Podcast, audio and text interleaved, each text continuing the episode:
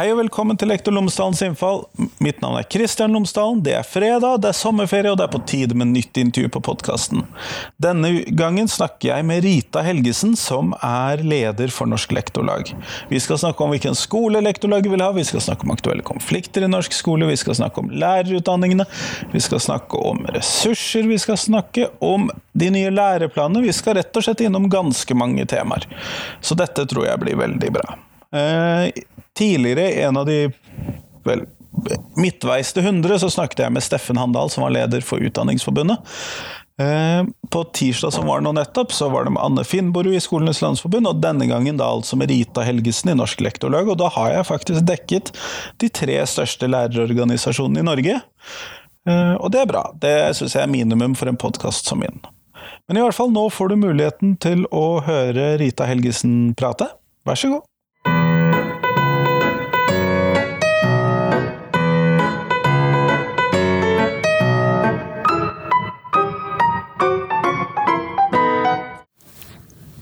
Rita Helgesen, tusen takk for at jeg har fått lov til å komme på kontoret ditt i dag. Hyggelig at du har kommet på besøk. Eh, før vi starter med intervjuet, kunne du ha fortalt lytterne mine tre ting om deg selv, sånn at de kan bli litt kjent med deg? Jo, eh, jeg er da lektor, og jeg har hovedfag i nordisk. I tillegg så har jeg eh, litteraturvitenskap og historie og billedmediekunnskap. Jeg har da undervist i videregående skole i nesten 30 år. Men jeg har også vært i barne- og ungdomsskolen. Og den tredje tingen jeg tenkte jeg skulle fortelle om meg sjøl, er at jeg bor i et bofellesskap i Askim. Der har jeg bodd siden 1994. Bygde hus sammen med venner. Og ikke helt overraskende så er det da mange som er i utdanningssektoren. Både barnehagelærere, lærere i barneskole, lærere i ungdomsskole og lektorer i videregående. Men det er også en trykker og et postbud. Det hørtes ut som et hus med mange soverom. ja, det heter faktisk Tusendørshuset, og det handler om at der er det mange dører, og de dørene er åpne. det hørtes ut som et koselig sted å bo. Ja, det er helt kjempefint. Trives. Eh, når vi nå Tidligere denne uken så ble det klart disse um, kjerneelementene i fagene, i det som skal bli fagfornyel, eller det som er fagfornyelsen. Eh, og da lurte jeg selvfølgelig litt på hvordan ser Norsk Lektorlag på denne prosessen? Hvor øh, Hva tenker dere om fagfornyelsen? Jo, jeg er veldig glad for at vi har fått denne fagfornyelsen, og jeg er veldig glad for at vi har fått lov til å være med på å påvirke prosessen og vært ganske tett på. Det er ikke nå bare styrt fra oven, men det er veldig stor deltakelse på alle nivåer. Det syns jeg er kjempepositivt. Vi trenger jo endring i skolen. Og hovedgrunnen til at vi trenger endring, det er jo elevene. Fordi at vi i Norsk Lektorlag, og alle andre også, regner jeg med, ønsker jo at norsk skole skal være så bra som mulig for alle elever. Og ikke bare for et gjennomsnitt av elevene, eller sånn alle skal gjennom Alle skal trives like dårlig, eller? Ja, men altså, de trives jo godt i dag.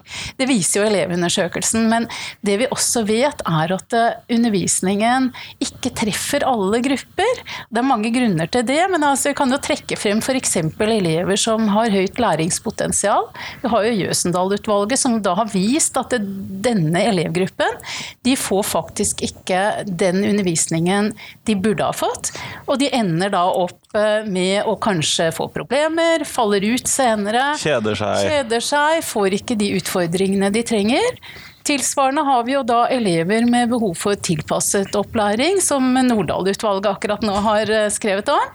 De får jo da spesialundervisning. Halvparten av dem får jo det da fra assistenter uten faglig kompetanse. Vi ønsker jo en skole hvor alle elevene får opplæring ut fra sitt utgangspunkt. Og skolen skal være motiverende, og den skal være faglig god. Men, men hvordan kan eh, en sånn fagfornyelse være med på å legge til rette for dette? Det er jo Å bare bytte ut kompetansemålene kan vel ikke fikse det? Nei. nei, nei det, er, det, er, veldig mange ting som må skje. og det, Jeg tror ikke fagfornyelsen alene endrer norsk skole.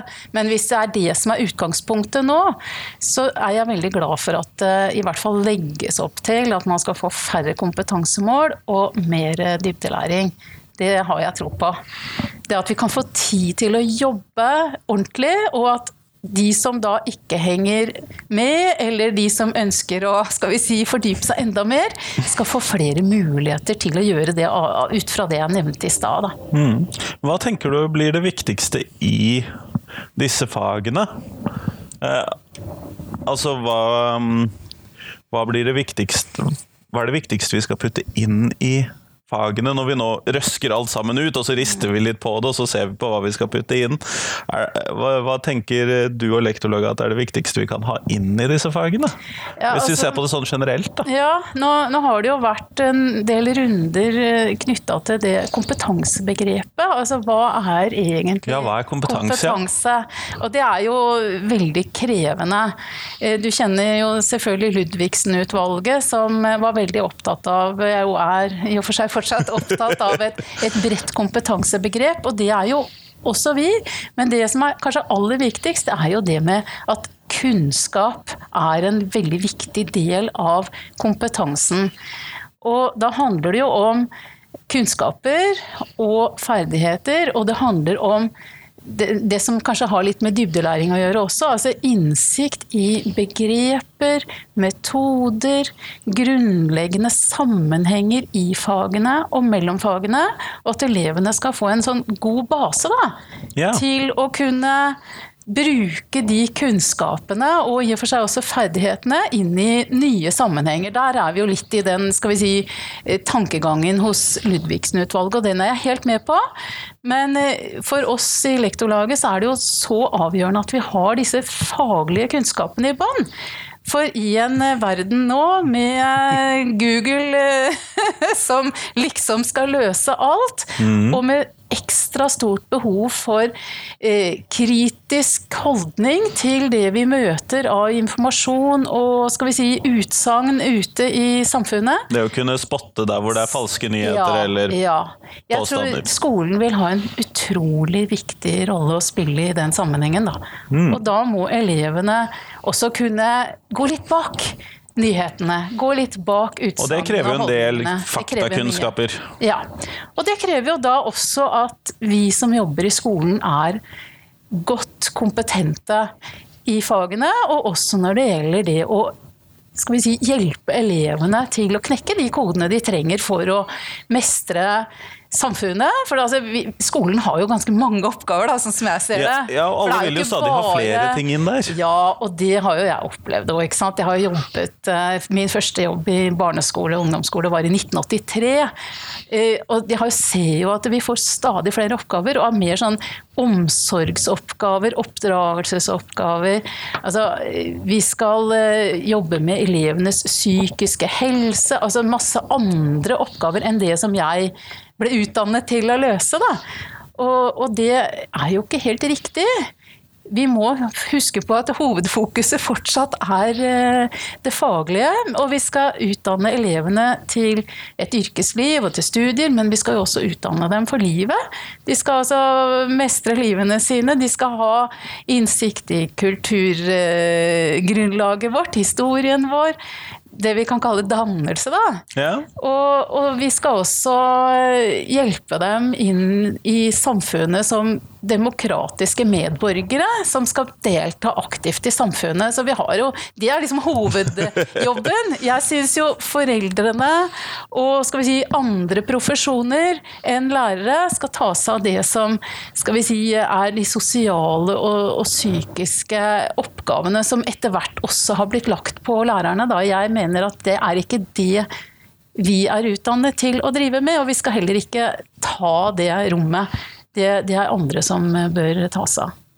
Eh, Men hvilke andre profesjoner tenker eh, du og lektorlaget hører da hjemme inn i skolen? For det er jo da et eh, relevant spørsmål i den sammenhengen. Altså jeg tror det er ganske mange profesjoner som trengs inn i skolen. Altså, min egen skole, så har vi hatt Mysen videregående skole hatt veldig godt apparat der med helsesøster, sosionom som er tett koblet opp mot Nav, minoritetsrådgiver, PP-tjenesten med psykologer og eh, spesialpedagoger. ikke sant? Altså Her er det ganske mange. Og selvfølgelig også eh, ungdomshelsetjenesten, som også har et tett samarbeid med, med min skole. da, Med leger og, og andre Sånn at dette har vært en skole med da, relativt stor hva skal vi kalle det, sånn, stab rundt Ja. elevene. da. Ja, og det er veldig bra. Og jeg har jo selv god erfaring med å nettopp kunne overlate elever til disse som virkelig kan hjelpe til. ikke sant? F.eks. minoritetsrådgiveren har vært helt gull for meg som kontaktlærer å støtte seg på å kunne da gi en mye bedre hjelp til de elevene som trenger det. Mm. Men når vi da ser på disse nye eh, fagene, denne nye strukturen å tenke fagene på, som vi ser i fagfornyelsen, så legges det en ganske stor vekt på dette med tverrfaglighet. Mm. Og det å jobbe på tvers av disse faggrensene. Eh, Hva tenker dere om den biten av fagfornyelsen? Jo, den har vi jo vært veldig opptatt av, da. Og jeg har jo vært i skolen så lenge at jeg eh, har jo holdt på med prosjektarbeid og tverrfaglige prosjekter. Og det ble jo ofte ufaglige prosjekter. Fordi at man skulle eh, putte inn det meste, og kompetansen var vel heller så som så. Og så skulle elevene ha ansvar for Ble egen kanskje litt tynt smurt Det ble veldig tynt, og det ble veldig ufaglig og veldig eh, lite læring når det kom til stykket, tror jeg. Mye tull og tøys. Og i våre dager, hvis det er den måten man skulle ha gjort det på, med alle de digitale mulighetene man har til å klippe og lime, så hadde det vært helt håpløst. Så det er viktig at tverrfaglighet kommer inn med fagene som basis. Altså, du har jo disse fine tverrfaglige temaene, men at de nå ordnes eh, inn under fagene, og at vi da jobber tverrfaglig med base i kompetansemål i fagene. Og jeg har jo sjøl jobba veldig mye tverrfaglig, for det syns jeg er så moro. Så, så det er ikke det at det er noe nytt, egentlig. Men eh, det er veldig viktig at eh, fagene kommer først, og at, for vi skal jo også bidra med fagkunnskap for at elevene skal få god læring og gode kunnskaper ut av det. Og da kan ikke jeg som eh, norsk- og historielærer eh, lære elevene all verden om fysikk og naturfag. Det tror jeg faktisk Nei, det tror jeg jeg skal holde meg langt gjøre. unna også. Ja, ikke sant? Jeg har reallinja riktignok, men det er innmari lenge siden. Så det tror jeg ikke jeg skal si at jeg kan så mye om. Nei, men eh, er det ikke en viss fare for at en sånn tverrfaglighet, selv om man da bruker fagene i bånn, at man går på bekostning av den metodefriheten vi har som Mm. Lærere? Vi kan jo gjøre det, men da er det jo nettopp at i den grad vi jobber tverrfaglig, så må jo vi som er eh, lektorer og lærere, vi må samarbeide. Det har jo jeg gjort med mine kollegaer, f.eks. På, på medier og kommunikasjon, hvor vi har hatt sånn kjempespennende prosjekt hvor elevene har lagd dokumentarfilmer i programfaget, og hvor jeg som historielærer fikk en idé, og vi var med på konkurranse Min familie historien, hvor jeg brukte historiefaget inn, ikke sant, med kildebruk, eh, kunnskaper om eh, nyere historie i Norge, og så var det Sånn mediefaglærerne som jobba med, med kompetansemålene i mediefaget. Altså. Og det var jo kjempespennende, fordi at da fikk elevene tid. Mye mer tid enn jeg i min historieundervisning kunne gi dem. For de hadde mange timer i mediefag. Og da de reiste inn på Riksarkivet, de intervjuet eh, forskere, fagfolk, de var på museer rundt omkring i nærmiljøet. Og de dramatiserte historiske hendelser fra sin egen fortid. Intervjuet besteforeldre. Det hørtes som et veldig morsomt prosjekt. Det var så gøy, og det fortsetter. Det er enda, Selv om jeg dro det i gang, så, så er det et prosjekt som fortsatt eh, drives. Så det er sånn jeg tenker tverrfaglighet. tverrfaglighet. Skjønner. Men når, i stad så snakket du om dette med at uh, man har fått nye oppgaver, særlig sosiale oppgaver, som, man, som du kanskje ikke hadde blitt utdannet til, å eh, håndtere. Og da lurer jeg litt på, har vi den lærerutdanningen som vi uh, trenger? Ja, det er jo også en del av det hele. Er den god nok? Altså, og det har jo vært eh, ganske mye kritikk både fra utsiden og fra innsiden. Og studentene er jo ikke fornøyd med den utdanningen. De ønsker bedre oppfølging, bedre veiledning, bedre samsvar mellom skal vi si, den undervisningen som er på universitet og høyskole, og den praksisen som de er på ute i skolen, vil ha mer samarbeid. Og det er jo nettopp noe vi også oppmuntrer. Eh, og de, de, føler at det de lærer, ikke alltid er like relevant for den virkeligheten som de møter ute i klasserommet. Nei, jeg følte i hvert fall veldig på den der den eh, teoritunge sto, Store tenkere innenfor pedagogikken ja. hang ikke så godt sammen med virkeligheten Nei, i klasserommet. Sant, for hva gjør du når eh, tre av elevene vandrer rundt i klasserommet, bråker og herjer? Hvilke teknikker kan man bruke da? Altså, ja, det, det, var sånn helt konkret, det var noe av det første jeg liksom, Ok, hva gjør jeg med det? Ja, jeg hadde lært mye om barns og unges utvikling og nettopp disse viktige tenkerne innenfor eh, psykologi og pedagogikk. Men det er ofte veldig teoritungt og ikke så veldig praktisk rettet. Og det, det er jo en eh, gjentatt kritikk, da, ikke minst av PPU, eller praktisk pedagogisk ja. utdanning, hvor folk kommer inn og har en mastergrad, ganske lang teoriutdanning i bånn. Da er det ikke mer teori man trenger, da er det praksis. Og Norsk Lektorlag har jo faktisk gått inn for turnusår som et alternativ da, til PPU, hvor man først og fremst er ute i praksis. Og eh, nettopp kan ha mye tettere kobling der da, for å kunne mestre den delen av uh, lærerjobben. Eh, men hvis vi da ser på de andre eh, lærerut... Ikke ser på PPU spesifikt, men hvis vi ser på type hva er det de heter nå? GLU? GLU, ja. Grunnskolelærerutdanningen, ja. ja for ja. Det, den, Der har vi jo sett en del endringer. Både endringen fra allmennlærerutdanningen til grunnskolelærerutdanningen, men også disse kravene på inntak, f.eks. i matematikk mm. eh, særlig. Og dette masterkravet. Eh, hva tenker dere om disse kravene vi setter til eh, inntaket til lærerutdanningen? Ja, eh, kravet, Når det gjelder firerkravet, så, eh, så, har jo vi støttet det.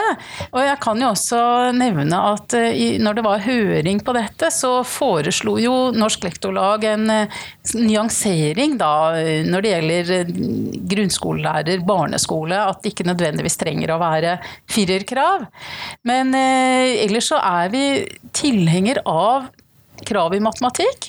Eh, jeg tror jo det er viktig at eh, vi kan få gjort noe med denne matteangsten og negative holdningene til matematikk som er der ute. Og det at vi har eh, lærere som har kunnskaper og positive holdninger til matematikk, er et godt utgangspunkt. Og ikke minst at de også, også da har et greit nivå. For altså, dette firerkravet det gjelder jo praktisk matematikk, som egentlig er stort sett på linje med pensum i ungdomsskolen. Det er altså ikke veldig krevende. Og når det gjelder eh, videregående og behov for eh, matematikknivå der, så er jo en eh, treer ikke holdbart, og i hvert fall ikke i praktisk matematikk. Da bør man jo ha en, en grundigere og bedre faglig bakgrunn. For det er litt sent å begynne å si, oppdatere seg og komme opp på et høyere nivå når man har begynt å studere. Da forventes det at alle har et, et visst grunnleggende nivå. Og elevene fortjener lærere som kan faget. For jeg tror jo det at undervisningen eh, kan bli mye bedre nettopp når en lærer kjenner faget godt, kan ha et Eh, skal vi si, større antall metoder og forklaringer, innfallsvinkler til, eh, til stoffet. Da.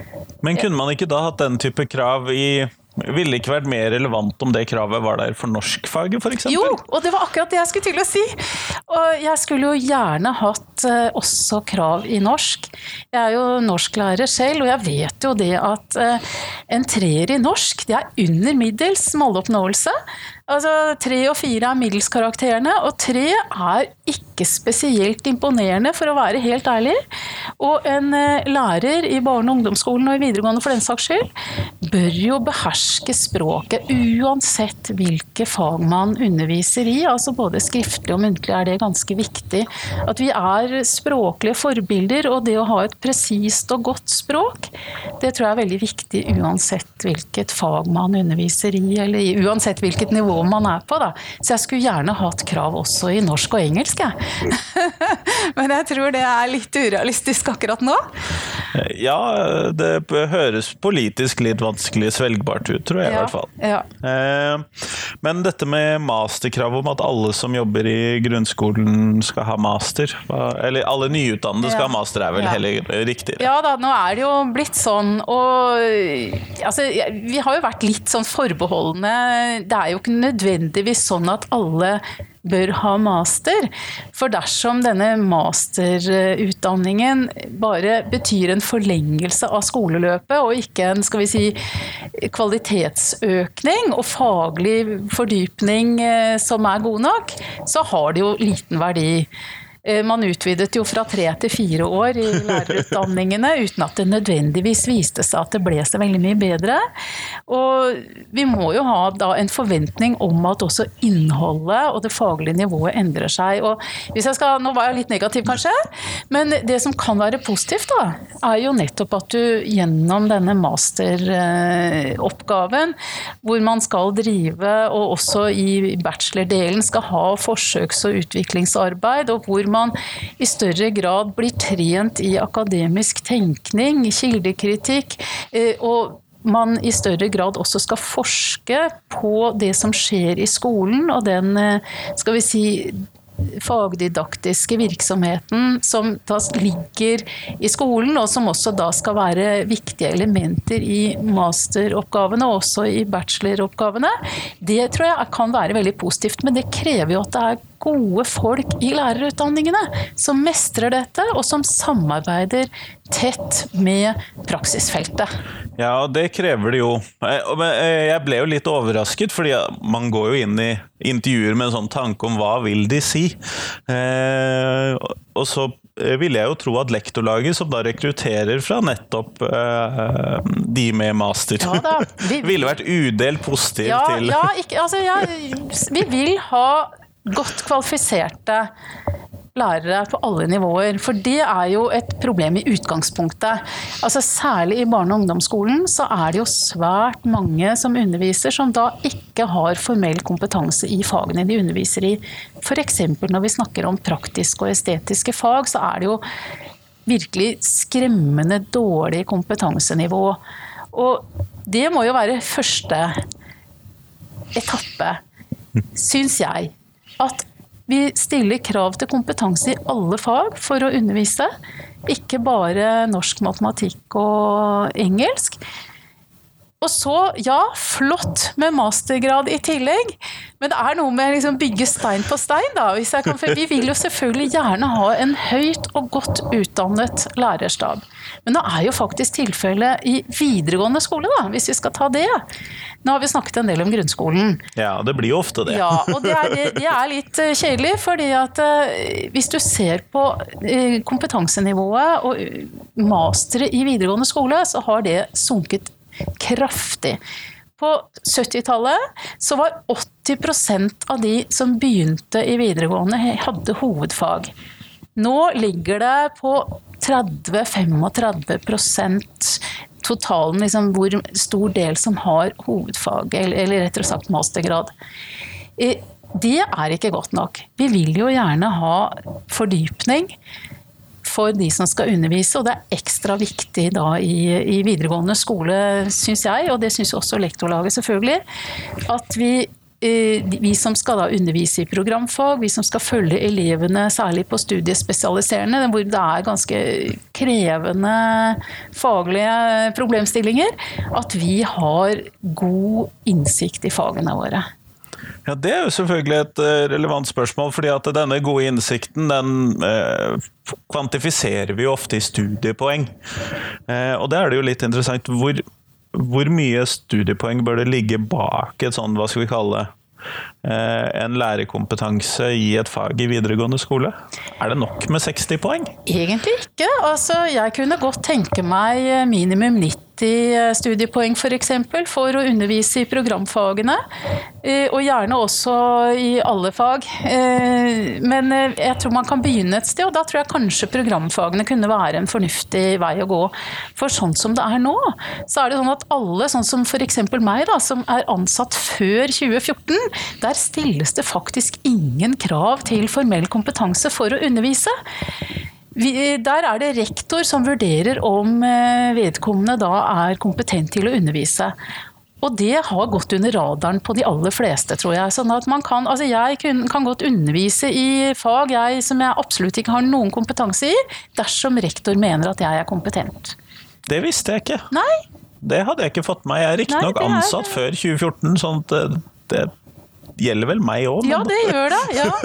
Og, og, heldigvis så er det jo fornuftige folk der ute som forhåpentligvis ikke setter hvem som helst til å undervise setter i hva som helst. Setter ikke meg i fransk? Nei, eh, heller ikke meg. Det tror jeg hadde gått litt dårlig. Enda verre med tysk.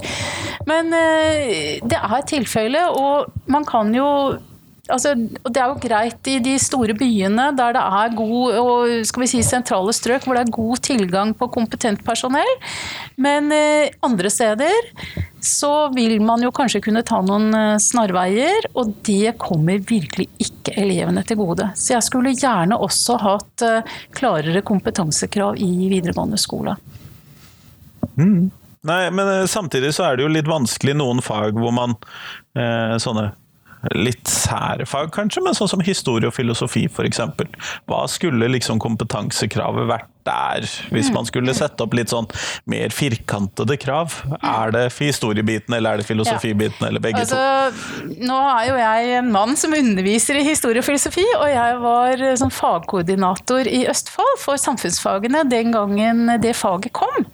Og da hadde jo jeg muligheten til å påvirke fylkeskommunen til å sette noen krav og stille noen ressurser til rådighet for at uh, dette faget skulle bli så bra som mulig for elevene.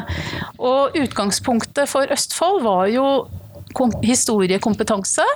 Eh, og de fleste tror jeg som begynte den gangen og som underviser nå, har jo historie som fag, og mange har det også som eh, masterfag eller hovedfag. Men det vi gjorde i Østfold, det var jo også da å eh, tilrettelegge for at de som ønsket det, kunne ta filosofiutdanning ved siden av jobb som deltidsstudium. Så vi la noen ressurser på bordet. Jeg fikk med meg fylkeskommunen på det. Og så jeg ønsker jo det for altså, alle fag at man har så god base som mulig. Selv for litt sære fag. ja, ja, og jeg, jeg, tror det er viktig og bra fag. Og selvfølgelig, du kommer langt med bare historie, har historie selv. Men jeg tror at eh, jeg ville være enda bedre til å undervise i det faget hvis jeg også da hadde utdanning innen filosofi. Eh, når vi nå går mot slutten av dette intervjuet, så skal vi leke litt mer med fag. Fordi at du skal få lov til å fortelle eh, Lage et nytt fag. Hvis du skulle gi et navn til et fag og fylle det med innhold, hva skulle det være? Ja, herlig. ja, nei, jeg, mitt uh, fag, det tror jeg ville kalle leselyst. Rett og slett et fag hvor elevene og læreren kan lese og oppleve litteratur. Få innsikt i andre verdener via litteraturen. Jeg er jo skikkelig bokorm selv. Og apropos min historieinteresse, den kom faktisk via skjønnlitteratur. Fordi at jeg leste Dickens, jeg leste Falkberget, jeg leste Olav Duun, eh, Sigrid Undset. Altså, som da gjorde meg veldig nysgjerrig på historie. Og, og da fant jeg ut at ja, jeg må jo lære mer om historien fordi at jeg møtte tider og mennesker gjennom litteraturen som jeg ville vite mer om. Hvorfor var det akkurat sånn, og hvordan er sammenhengene nå da egentlig? Så, ja, den kjenner jeg meg ganske godt igjen i. Ja, ja, så fint. Ja. For, for det, jeg har blitt mer og mer interessert i historie da, via litteraturen. Og, og litteraturen er ikke bare det, men litteratur altså Det å lese, det er jo dessverre stadig færre som gjør. da. Altså Foreldre setter barna sine foran iPaden eller foran TV-en istedenfor å lese høyt. Snakke om det de leser, se på illustrasjoner, bilder, få gode samtaler. Eh, det kunne jeg tenke meg at vi kunne ha i skolen, og ha tid til det. Altså opplevelsen. Altså ikke sånn veldig Ja, For du kan ikke fylle norskfaget med Nei. så mange sånne rene Nei. lesetimer. Nei, og det skulle jeg gjerne gjort, fordi at jeg elsker å lese, og jeg gjør det jo, jeg lurer det jo inn så mye jeg kan i min norskundervisning, nettopp fordi at jeg vil jo gjerne formidle den gleden ved å lese gode tekster, da. Og at ikke det bare skal snakke om, eller ikke skal bare handle om analyse og skal vi si pugging, kunnskaper, begreper, men at det, det skal utvikle oss som mennesker, da. Og gjennom å møte mennesker i litteraturen, så kan vi lære mye om oss selv og om andre, da. Gjennom å snakke om det vi leser om, og det har jo jeg hatt veldig glede av som norsklærer, og i og for seg av og til i historie også. Men eh, å ha et fag hvor du har mer rom og plass til det, da. Og også lese litteratur fra andre verdensdeler, ikke sant? som vi ikke får gjort i, i norskfaget. Nei, for det får du ikke prioritert inn der. Nei, for altså, jeg er jo veldig glad i altså, søramerikansk litteratur, f.eks. Afrikansk litteratur, litteratur fra Asia. Altså, jeg har jo skulle gjerne ha hatt muligheten til at elevene kunne møte liksom litt andre ting enn den derre litt snevre kulturrammen vi har i dag, da. Kulturkanonen? Nei. Ja. Jo, Ja, jo kanonen. Men apropos det, får jeg lov å si Ja, ja, bare for- Når det gjelder eh, fagfornyelsen, så er jeg jo også litt redd for at vi mister litt av den kulturhistorien og den historiske forankringen, da. Når man nå skal tone ned eh, ganske mye av det historiebasisen i andre fag. Så jeg er veldig spent på hvordan man løser det da, når man skal lage læreplanene. Og vi får nok ikke løst det gjennom mitt fag leselyst, for det, det er, er Kanskje det litt kanskje ikke plass snevert i forhold til det, ja. ja. Men jeg skulle gjerne hatt et sånt fag, ja. ja. Nei, men kjempeflott. Tusen takk. Ja, takk skal du ha.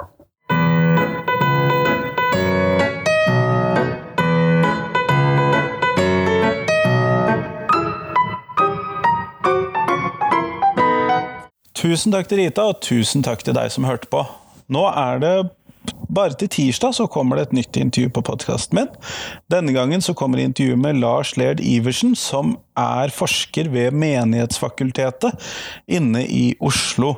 Han forsker på religionssosiologi, på religionsfaget, og på mange temaer knyttet til dette. Han har coinet begrepet eh, uenighetsfellesskap, og vi skal rett og slett snakke om skolen som et uenighetsfellesskap, og det gleder jeg meg veldig til. Men i hvert fall, det er på tirsdag. Så får du eh, glede deg til det. Kos deg med sommerferie eller helg. Eh, Så tror jeg dette blir veldig bra. Ha en god dag videre. Hei, hei.